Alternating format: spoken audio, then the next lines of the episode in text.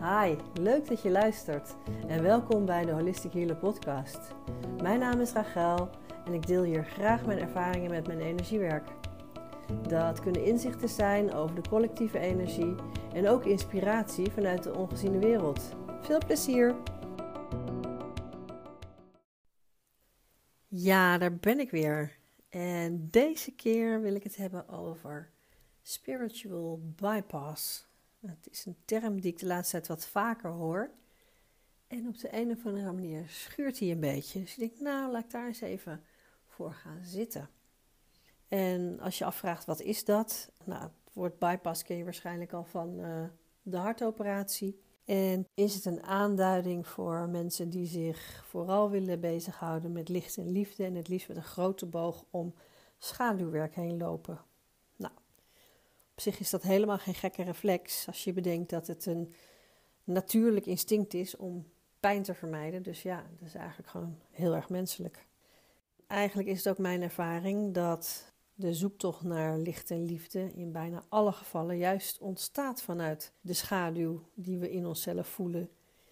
In de vorm van angst of pijn of verdriet of depressie of onvervulde verlangens, waardoor we op zoek gaan naar verlichting. Zowel letterlijk als figuurlijk.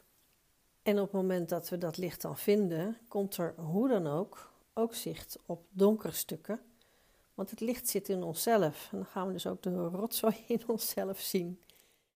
En dat geldt eigenlijk ook voor liefde. Op het moment dat we daarmee aan de slag gaan, gaan we onszelf openstellen en ons hart weer openen. En ik zeg weer, omdat vaak hebben we ons hart afgesloten omdat we te veel voelden, te veel pijn, te veel verdriet. En op het moment dat we ja, ons hart dan weer gaan openen, ga je ook weer heel veel voelen. Ja, en behalve liefde is dat dan natuurlijk ook weer die angst en oude pijn en verdriet. Dus het idee dat je donkere stukken zou kunnen vermijden, ja, daar geloof ik eigenlijk niet in. Als ik die term spiritual bypass hoor of lees, dan lijkt het alsof ik daar ook een onderliggende pijn onder voel. En wat ik daarmee bedoel is ja, dat het dan gaat over iemand die zo dapper is om met schaduwwerk aan de slag te gaan en dingen onder ogen durft te zien en ze ook durft te voelen, kan er op een bepaald moment een gevoel van eenzaamheid ontstaan.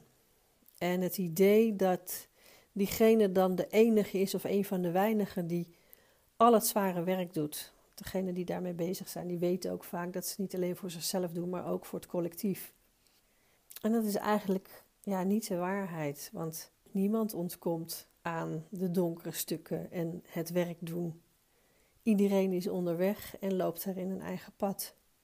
Hoe meer licht we kunnen toelaten, hoe meer zicht er ook komt op dingen die in het donker op ons hebben liggen wachten. En ja, daar kunnen we lang en kort over doen. Je gaat het hoe dan ook tegenkomen. En wat mij betreft valt er gewoon daarin niets te bypassen. En voelt het eigenlijk vooral als een bijdrage aan ja, onszelf en aan elkaar als we geduld en compassie kunnen opbrengen voor iedereen die onderweg is, waar je ook bent op je pad. En dat is compassie met degene die het lef heeft om aan de slag te gaan met die zogenaamde Dark Nights of the Soul en het schaduwwerk.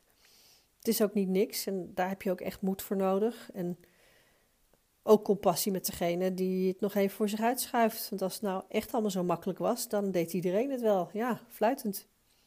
Ook compassie met degene die even tijd nodig hebben om bij te komen. En dan maakt het niet uit of het eh, het uitrusten is van schaduwwerk of om moed te verzamelen om dat aan te gaan. En het is helend en bemoedigend om de ruimte te hebben om soms even in dat warme bad van licht en liefde te kunnen verblijven.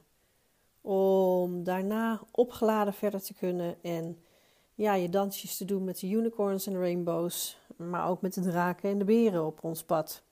Dus laten we met elkaar naar huis lopen. En als je onderweg iemand ziet rusten in de zon bij een beekje van liefde, geef dan even een dikke knipoog en een duimpje omhoog. Want wie weet, ben jij de volgende keer die even aan het uitrusten is.